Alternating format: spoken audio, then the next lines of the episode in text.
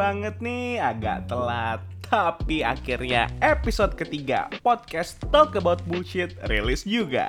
Kenalin, gua Loy yang bakal nemenin lu buat episode ini. Udah pada lihat belum sneak peek buat episode kali ini di Instagram Talk About Bullshit? Kalau belum tunggu apa lagi, langsung aja follow biar episode-episode berikut ya lo udah tahu bakal apa yang dibahas.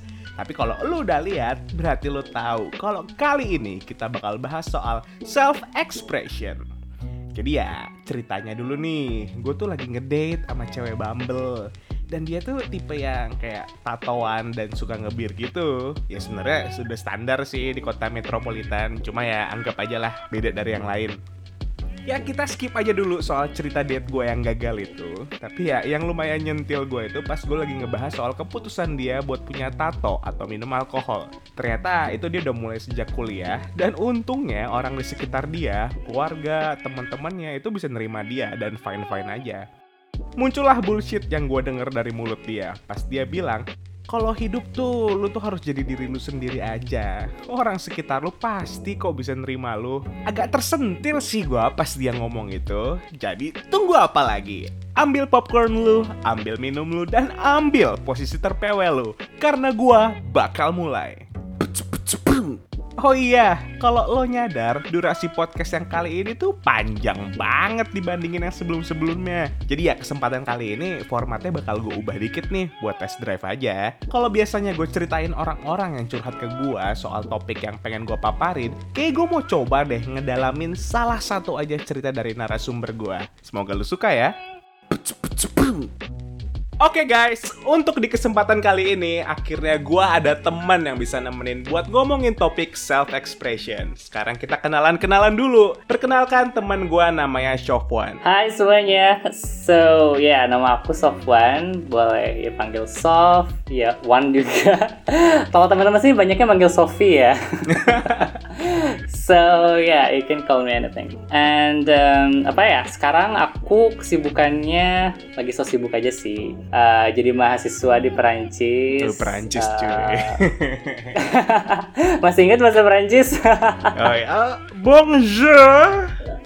Bonjour. Wala. Dia, dia beasiswa guys, jangan salah. Beasiswa, Pintar. eh tahu beasiswanya apa? Beasiswa sugar daddy. Oh. Enggak enggak canda canda sugar daddy beneran. jangan liatin beasiswa gua. Beneran. Beasiswa beneran, beasiswa beneran. beneran guys actual beasiswa buat Erasmus orang Mundus, pintar. Guys. Beneran beneran. Cuma kita nggak tahu di sana ada sugar daddy atau enggak. Nah, itu lagi nyari sih. Dah skip skip skip. Ya udah, yeah. Chef, buat kali ini tuh gue lagi pengen bahas soal self expression. Kalau dari gua ya singkatnya aja deh.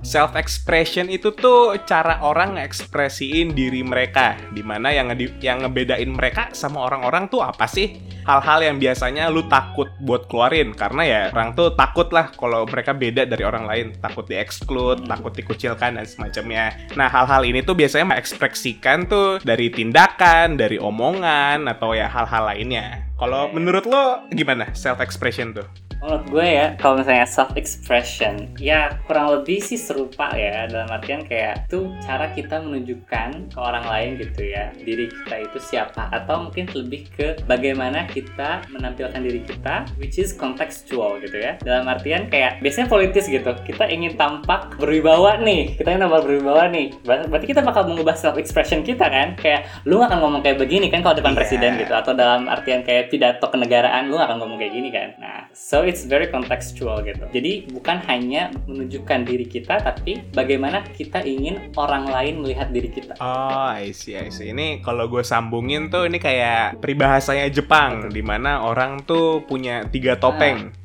Jadi topeng yang lu tunjukin ke publik, topeng yang lu tunjukin ke keluarga sama teman-teman lu, dan topeng yang sebenarnya diri lu yang yang tahu tuh cuma lu sendiri. Nah, ya kalau kayak gitu kan politis kan berarti kan? Kalau ke publik ya berarti kita punya image yeah. tertentu gitu. Ke keluarga ke teman dan ke diri sendiri. Ya, karena orang takut lah ya kalau diri aslinya ketahuan terus orang menjauh atau gimana. Bisa jadi takut bisa jadi ya ada tujuan tertentu lah. Misalnya kayak kita mau ngelamar kerja nih kita berarti harus ya tampak profesional lah gitu kayak gitu gitu kalau kita ngomongin tujuan tertentu nih gue kepo nih kan lu tuh sebenarnya bagian dari komunitas LGBTQ kan ya. Sebenarnya makna self expression sendiri tuh beda nggak sih buat komunitas lu ini? sebenarnya sama aja ya karena toh kita juga manusia manusia aja kan. Saya kayak we are all human so sama aja.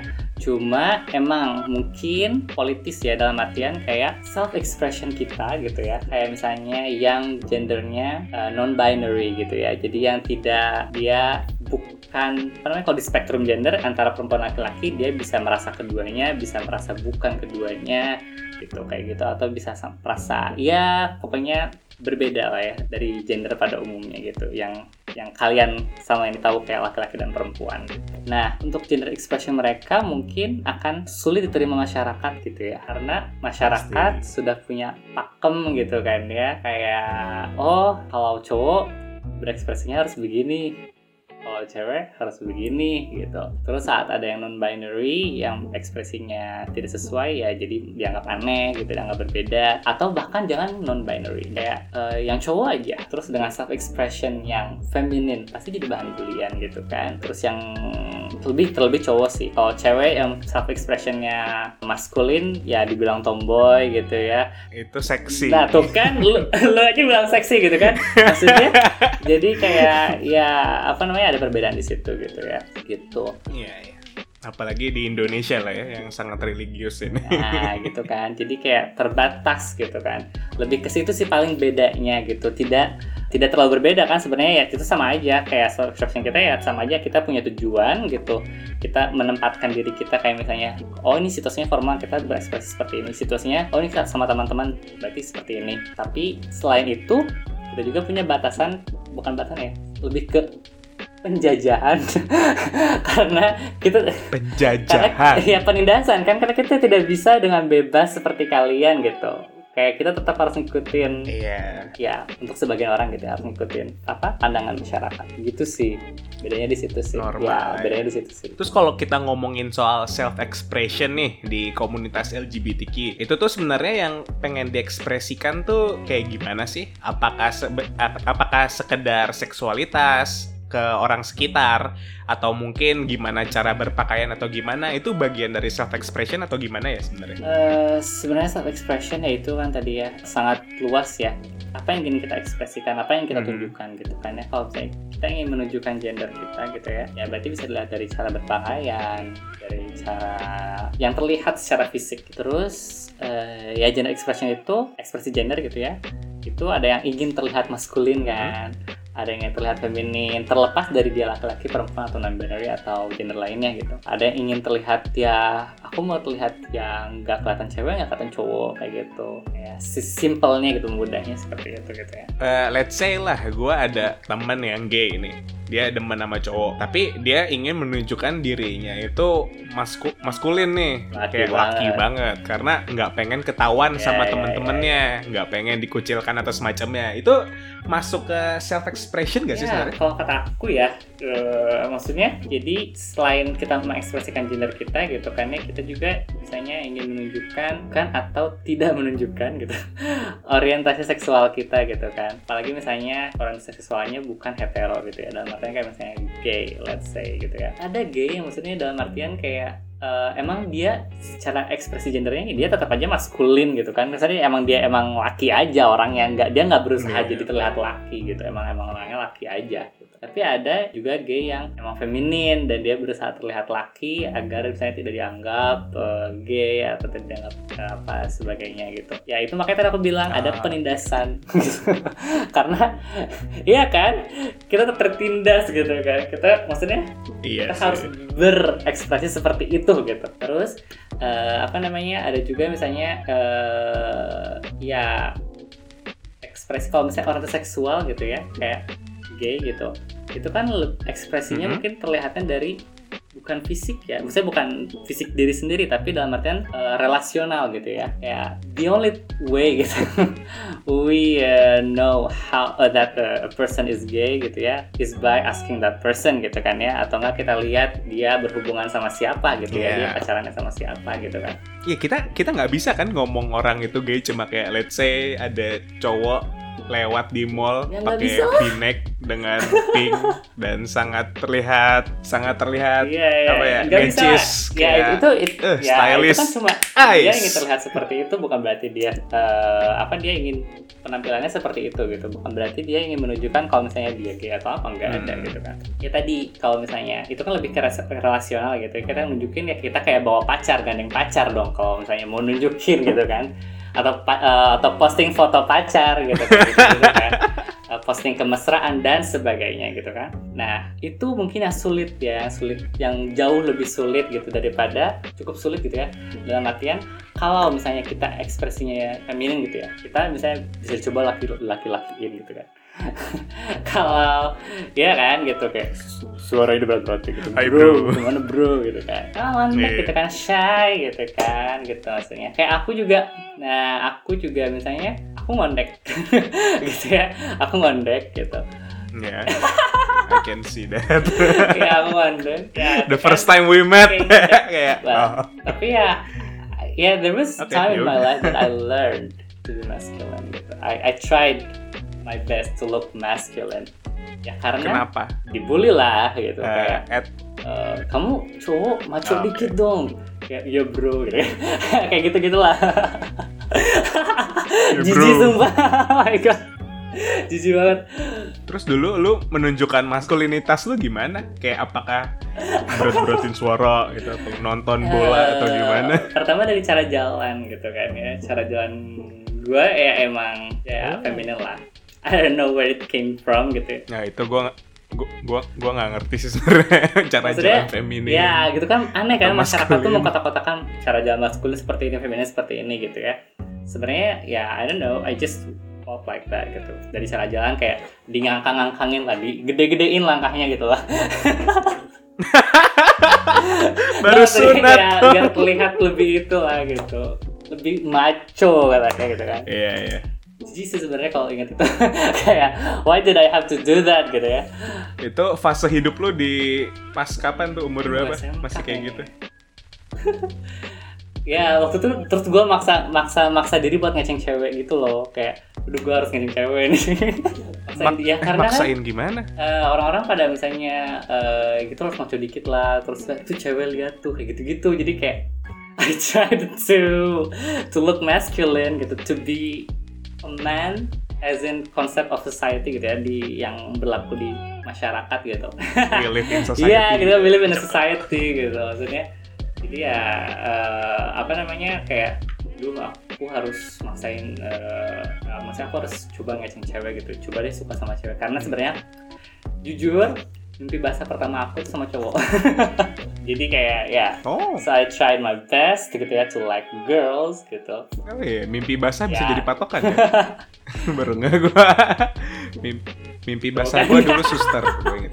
Beda kan gitu kan. So you don't have to you don't have to try to like Yeah. girls gitu kan. Karena kamu emang udah emang suka cewek gitu kan. Kalau aku enggak gitu. Ya tapi lu Dapet. cewek ya? Pas SMK itu Anjir Gila gue SMP ya Eh SMK eh, SMK SMA Gue 3 tahun Anjir, gak pernah kalah sama pacar. Gila Iya bang Terus putusnya gara-gara gimana Sama si cewek itu? Kayak lu ngomong gitu kayak I'm sorry I'm not Eh. into you gitu. It's it's it's me It's not you. Ya gitulah. Apa sih namanya? Eh, setelah bertahun-tahun pacaran hampir lima tahun gitu ya. Terus I realize gitu ya that I'm gay. Kayak I cannot I cannot lie to Oh myself Di Masih SMK itu belum itu masih kayak ih apaan sih gay jijik kayak gitu? Masih kayak gitu waktu itu. Eh, Homofobik mah masih aku. gua Oh, dulu masih itu Oh, gitu. Oke oke oke oke Nah, sekarang mah ya enggak lah. Iyalah Lu udah posting foto sama cowok lu. Ya gitu. Jadi kayak setelah sadar jadi kayak udah deh kayaknya aku nggak bisa. Karena maksudnya kalau misalnya gue pertahanan juga hubungan gue sama dia gitu ya ya ada gue bakal nyakitin dia terus gitu kan. Karena ya gimana ya? Ya kelihatan lah kerasa lah kalau gue misalnya nggak tertarik gitu kan. Nggak maksudnya Tahu kan gue gak pernah sama cewek Iya, maksudnya, mean- lesbi. kalau misalnya orang nggak tertarik sama lo lo bisa ngerasain kan? Gak tahu sih mantan man- mantan gue sih tidak menyadari gue Oh, tidak tidak tertarik sama dia. ya? Ya Gitu, udah oke. lanjut. kayak gitu deh. Lanjut. setelah itu udah deh Ya udah soal lu menyadari Ya, ya, beda- itu beda beda, beda lah ya itu.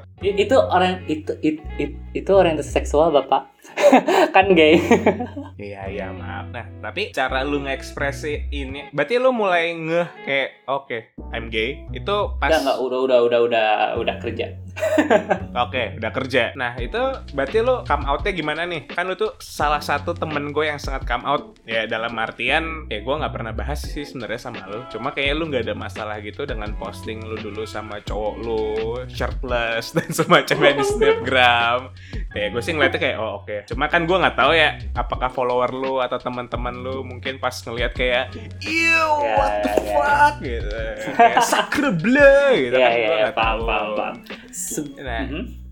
itu lu bisa sampai tahap cop- come out lu ngekspresiin diri lu ke sekitar lu gimana sih ya kita sebut Iya, mainly keluarga lah sama temen kan kalau publik mah bebas lah ya itu panjang ya eh, sebenarnya Oh, perjalanannya pasti. panjang gitu ya Eh, kalau dipersingkat sebenarnya seperti ini. Ya tahap awal kan menyadari dulu ya menyadari. Terus kayak ya mengakui aja ke diri sendiri dulu gitu. Kayak come out ke diri sendiri dalam artian itu istilahnya come in gitu ya. Kayak I'm gay oke. I'm gay. I like boys gitu. terus ya setelah itu bertahap ke temen deket dulu gitu kan. Kayak apa sih? Ya bilang kayak eh gue gitu kan kayak gitu gitu lah. Terus udah gitu ke temen nyebar nyebar nyebar nyebar terus mulai berani ke close friends gitu kan. Di apa Instagram gitu kan close friends gitu.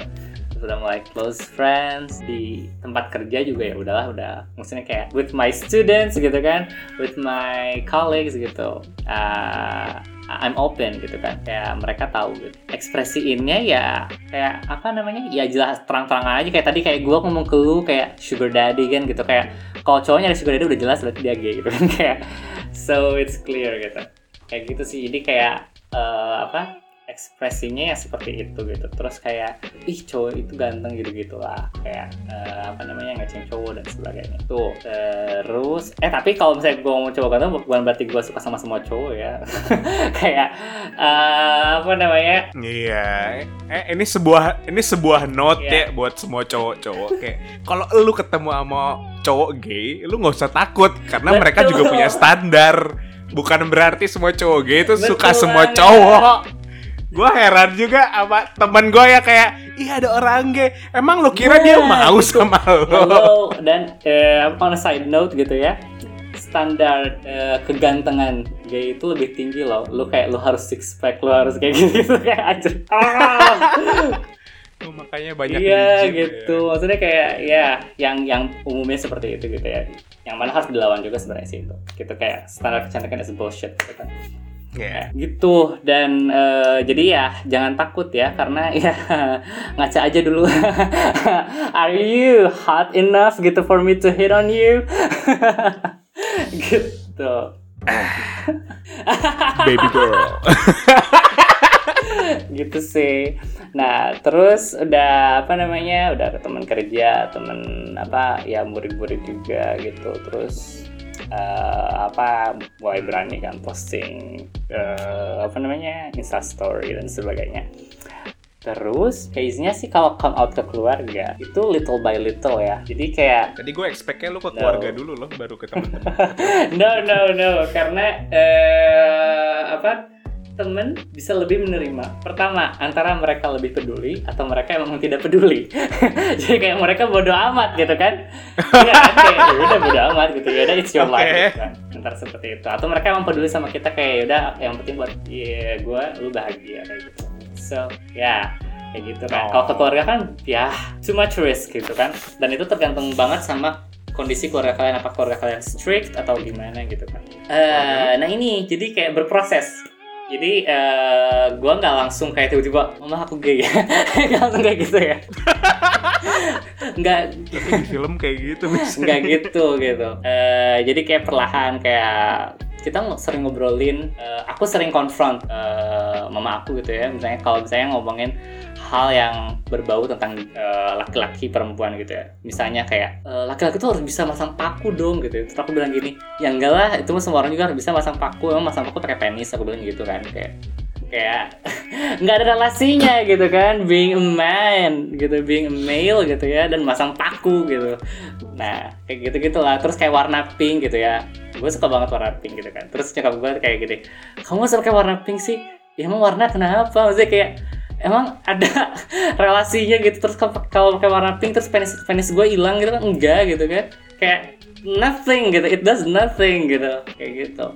Nah terus ngomongin apa sih? Nikah lah gitu kan kayak duh kayaknya nikah nggak tahu dia nggak kepikiran gitu kayak gitu gitu ya. Kayak terus kayaknya mau adopsi anak aja dan sebagainya gitu. Terus aku bilang kayak kayak duh punya anak tuh berat gini, gini gitu. Gitu lah semacam gitu. Just to give her the idea that maybe I won't get married gitu ya. In a conventional way gitu. Terus setelah lama lama lama terus terjadi konflik keluarga yang cukup besar. So I decided to come out gitu. I decided to come out. Dan sebenarnya kenapa aku berani come out? Karena ya I, I'm financially in, independent gitu. Dan bahkan aku yang menanggung keluarga aku gitu. Jadi so uh, it safe for me to come out gitu gitu. Dan itu sih yang membedakan self expression antara uh, kelompok LGBTQ dan yang bukan ya. Kalau misalnya yang bukan LGBTQ ya dia nggak perlu takut untuk apa ya uh, self express gitu ya. Kecuali misalnya mereka lebih ke appropriate atau enggak gitu kan ya kalau kalian ya kayak appropriate nggak sih gue seperti ini gitu berpakaian appropriate nggak sih gue kayak gini gini gini ngomongin dan sebagainya kalau kita kan kayak it's our safety it's our life di situ bedanya. Kayak kalau misalnya lu express yourself as gay terus kayak lu ditendang dari keluarga lu kan kayak wow gitu kan. So it's dangerous gitu. Di situ sih letak bedanya. Nah uh, jadi ya emang apa namanya sebelum come out sih kayak gue ke teman-teman gue gitu ya kayak pokoknya yang penting itu lo financially stable dulu. Jadi saat di mana worst case happens gitu ya. Kayak lo misalnya diusir gitu ya ya udah lo tinggal minggat aja lo punya duit ya udah tuh dan lo punya kerjaan tetap dan sebagainya gitu. Karena ya it's that sad gitu maksudnya. Sesedih itu realitasnya gitu. Ya kayak you cannot express yourself freely gitu ya. Apa ya maksudnya gini? Uh, self expression balik lagi ya kayak misalnya. Bukan self expression lah expression gitu ya. Kayak dalam artian kayak lu jalan sama cewek lu ke mall gitu ya. Pegangan tangan nggak perlu takut kan? Hmm, takut. Apa sih takut dilihat Tuhan iya Kayak- iya iya ya nggak perlu takut kan? Iya gue nggak takut. Ya gitu kan nggak perlu kayak aduh orangnya kalau gua gitu ya kayak aduh deg-degannya gitu kan kayak terus harus lihat curi-curi pandang curi-curi gitu gitu kan. Ya kayak we have to be careful karena kita nggak tahu bisa aja pas kita mengekspresikan afeksi kita ke pacar kita which is normal ya. Kayak kita ke orang yang kita sayang gitu kan kita menunjukkan kasih sayang dengan cara ngerangkul nge, apa namanya pegang tangan itu normal gitu kan. Terus tiba-tiba ada orang yang nggak suka gitu homofobik gitu kan persekusi. Nah kan? Dangerous gitu bahaya gitu kan? Kayak gitu. Jadi kayak hal yang menurut kalian itu kayak expression gitu ya it's not uh, a big deal gitu ya itu bisa uh, life and life or death matter gitu. Apalagi terutama yang transpuan gue pernah tuh dulu match di Bumble sama transpuan itu mix feeling banget ya kan pertama dia nggak come out dulu kan kayak eh gue transpuan nih. Enggak ya nggak mungkin lah. Kayak dia udah expect gitu kalau sebenarnya pas dia ngomong itu bakal cabut lah orang-orang. Ya sih kayak sedih itu kan sedih sih. sesedih Ya, itu. pokoknya gue pertama match match gue match nih sama dia. Kayak profilnya asik nih anaknya. Mukanya juga ya standar. Gue gua jujur awalnya tidak mengexpect dia transpuan karena emang dia cantik. Oh iya transpuan nggak boleh cantik. Yang ya kan, ya jujur aja banyak transpuan yang gue udah ketemu tuh kayak masih ada masculine feature dari muka mereka. Hmm. jadi kayak Oke. masih distinguishable lah. Ya yang ini sih sangat tidak Ya, terlihat. Nah udah match eh asik banget anaknya. Kayak tiba-tiba ngirim foto lagi ngapain. Terus tiba-tiba ngomongin game ngomongin ngejam atau apa lah. Pokoknya kayak udah weh udah match banget nih obrolannya udah asik. Ya ya ya paham. Ya, cuma uh, tiba-tiba dia come out lah setelah beberapa hari. Oh ternyata dia uh, transgender. Ya, gue sih ya akhirnya mengakhiri uh, kemungkinan untuk romance sama dia. Tapi gue masih ngobrol sama dia masih chattingan masih temenan dan semacamnya. Karena dia asik. Cuma emang ketika keluar ya emang self expressionnya apa ya dia terlihat sih terkekang. Kayak dia itu ternyata pas sudah ketemu masih ada masculine feature-nya. Ternyata ada. Ya, itu gue juga nggak tahu kan kayak kalau dari foto. Ya itu orang-orang emang ngeliatin lah. Terus kadang dia agak canggung gitu. Kayak pas ke Hmm. tempat rame akhirnya duduk di pojokan nggak ngapa-ngapain ya Nah. cuma pengen duduk di pojokan aja katanya malu sama orang atau semacamnya. Ya itu hal yang cukup sedih sih. Karena buat seorang transpuan dia memang sangat terlihat modis fashion sense-nya bagus. Dia sering banget memberikan gue tips dan semacamnya. Dan dia juga suka Mhm. uh, nunjukin fashion ceweknya yang tapi terlihat aneh mungkin buat orang-orang. Gitu. Ya ya. So ya, yeah. parah itu maksudnya apa ya? Beda banget kan kayak lu ya udah lu nggak perlu mikirin takut dilihat orang, lu nggak perlu mikirin kayak gitu-gitu. Beda banget kan sama kelompok LGBT rumah transpuan gitu yang harus mikir sampai sebegitunya kayak dan mikir kayak uh, ya udahlah pasti nggak akan ada yang mau match dan sebagainya atau pasti bakal digosin dan sebagainya kayak Iya, katanya That's pas gue udah bilang nggak mau romen sama dia, dia tuh udah bilang, ah kalau lo mau unmatch nggak apa-apa kok, gue udah biasa. Kan? Aduh, kan kayak sesedih itu emang. anjir. Oh my god. Langsung gue bilang, enggak kok, enggak. If you want to be a girl, I treat you as a girl, damn it. Uh, actually, she doesn't want to be a girl. She is a girl. Iya, sorry. Maaf. That's the thing, oke? Jadi kayak I don't want to be a girl. kayak gitu nggak gitu ya. Voilà, gitu sih. Jadi ya kalau dari aku segit apa kesimpulannya itu eh, apa namanya self expression itu sangat politis untuk baik yang bukan apa kelompok LGBT maupun bukan gitu ya. Eh, baik yang kelompok LGBT maupun bukan. Tapi kalau kelompok LGBT itu terutama trans gitu ya transpuan itu ya life and death matter. Iya, gue pandangan gue cukup berubah gara-gara cerita lu. Soalnya emang gue suka ngeliat banyak jokes kalau soal yang LGBTQ itu mereka emang financially independent. Mereka tuh kayak menjadi cool auntie atau cool uncle di keluarga lah yang kayak duitnya banyak, terus suka ngasihin ponakannya barang-barang keren dan semacamnya dan nggak nikah sampai tua. Ya tapi ya ternyata setelah mendengar cerita lo itu ternyata emang coping mekanisme mereka kayak gila gue kaget sih. Itu Betul. pegangan. it's it's it's how I mean like it's sad that we have to compensate for our identity Hmm. kita harus kasih kompensasi untuk identitas kita gitu that we're born with gitu ya yeah that's sad Tapi gue lihat kayaknya lu masih cukup dekat sama keluarga lu, kayak masih suka makan bareng dan semacamnya. Kayak apakah berarti mereka emang sekarang udah di tahap menerima lu sepenuhnya? Eh, kalau aku itu itu sih nggak bisa gua tahu dengan gitu ya karena kayak I don't know what the, in Yes. their hearts gitu kan Eh, tapi ya yang gue lihat sih mereka udah nerima-nerima aja dalam artian kayak eh, kayak gue bisa bawa pacar ke rumah terus kayak bisa ngomongin cowok gitu terus kayak ya jokes tentang sugar daddy juga gue bisa jokes itu sama nyokap gue gitu kan kayak Eh, kalau gue kalau gue boleh tanya, menurut lo dengan lu diterimanya sama teman atau keluarga lo, eh, ini sorry ya, tapi bilang aja kalau nggak mau jawab. Apakah menurut lo karena emang out of pure love, karena lu udah mulai nyicil-nyicil kayak menunjukkan lu itu sebenarnya LGBTQ, kayak dengan, percakapan lu dari awal, jokes-jokes dan semacamnya, atau karena lu financially independent atau apakah ada faktor X lain yang sebenarnya bikin mereka ngenerima lu ini buat reality reality check aja sih gue penasaran juga soalnya Nah, sama. Gue juga penasaran. Why they accept me gitu? I, I never know gitu ya. Tapi gue juga sebenarnya nggak tahu ya kenapa mereka accept gue karena ya ya mungkin mereka bilang ya sebenarnya nyokap gue bilang kayak gini ya mau gimana pun kamu tetap anak mama gitu ya. Dan maksudnya oh ya gitu kan. Ya she's she was sweet at that time gitu. Jadi ya kayak ya udah gitu. Eh, cuma memang mama pesen ke aku sih kayak jangan sampai keluarga besar tahu gitu. Cuma ya udahlah. Tapi bilangnya gini jangan sampai keluarga besar tahu sebelum kamu sukses. Kayak gitu. Kalau kamu ada banyak duit ya udah biarin keren no oke itu positive way to look at it. Ya I mean like eh, bukan materialistis dalam artian kayak if I have money I have power ya dan they can touch me. What can they do? Nggak bisa ngapa-ngapain gue juga kan. Tapi still sad sih.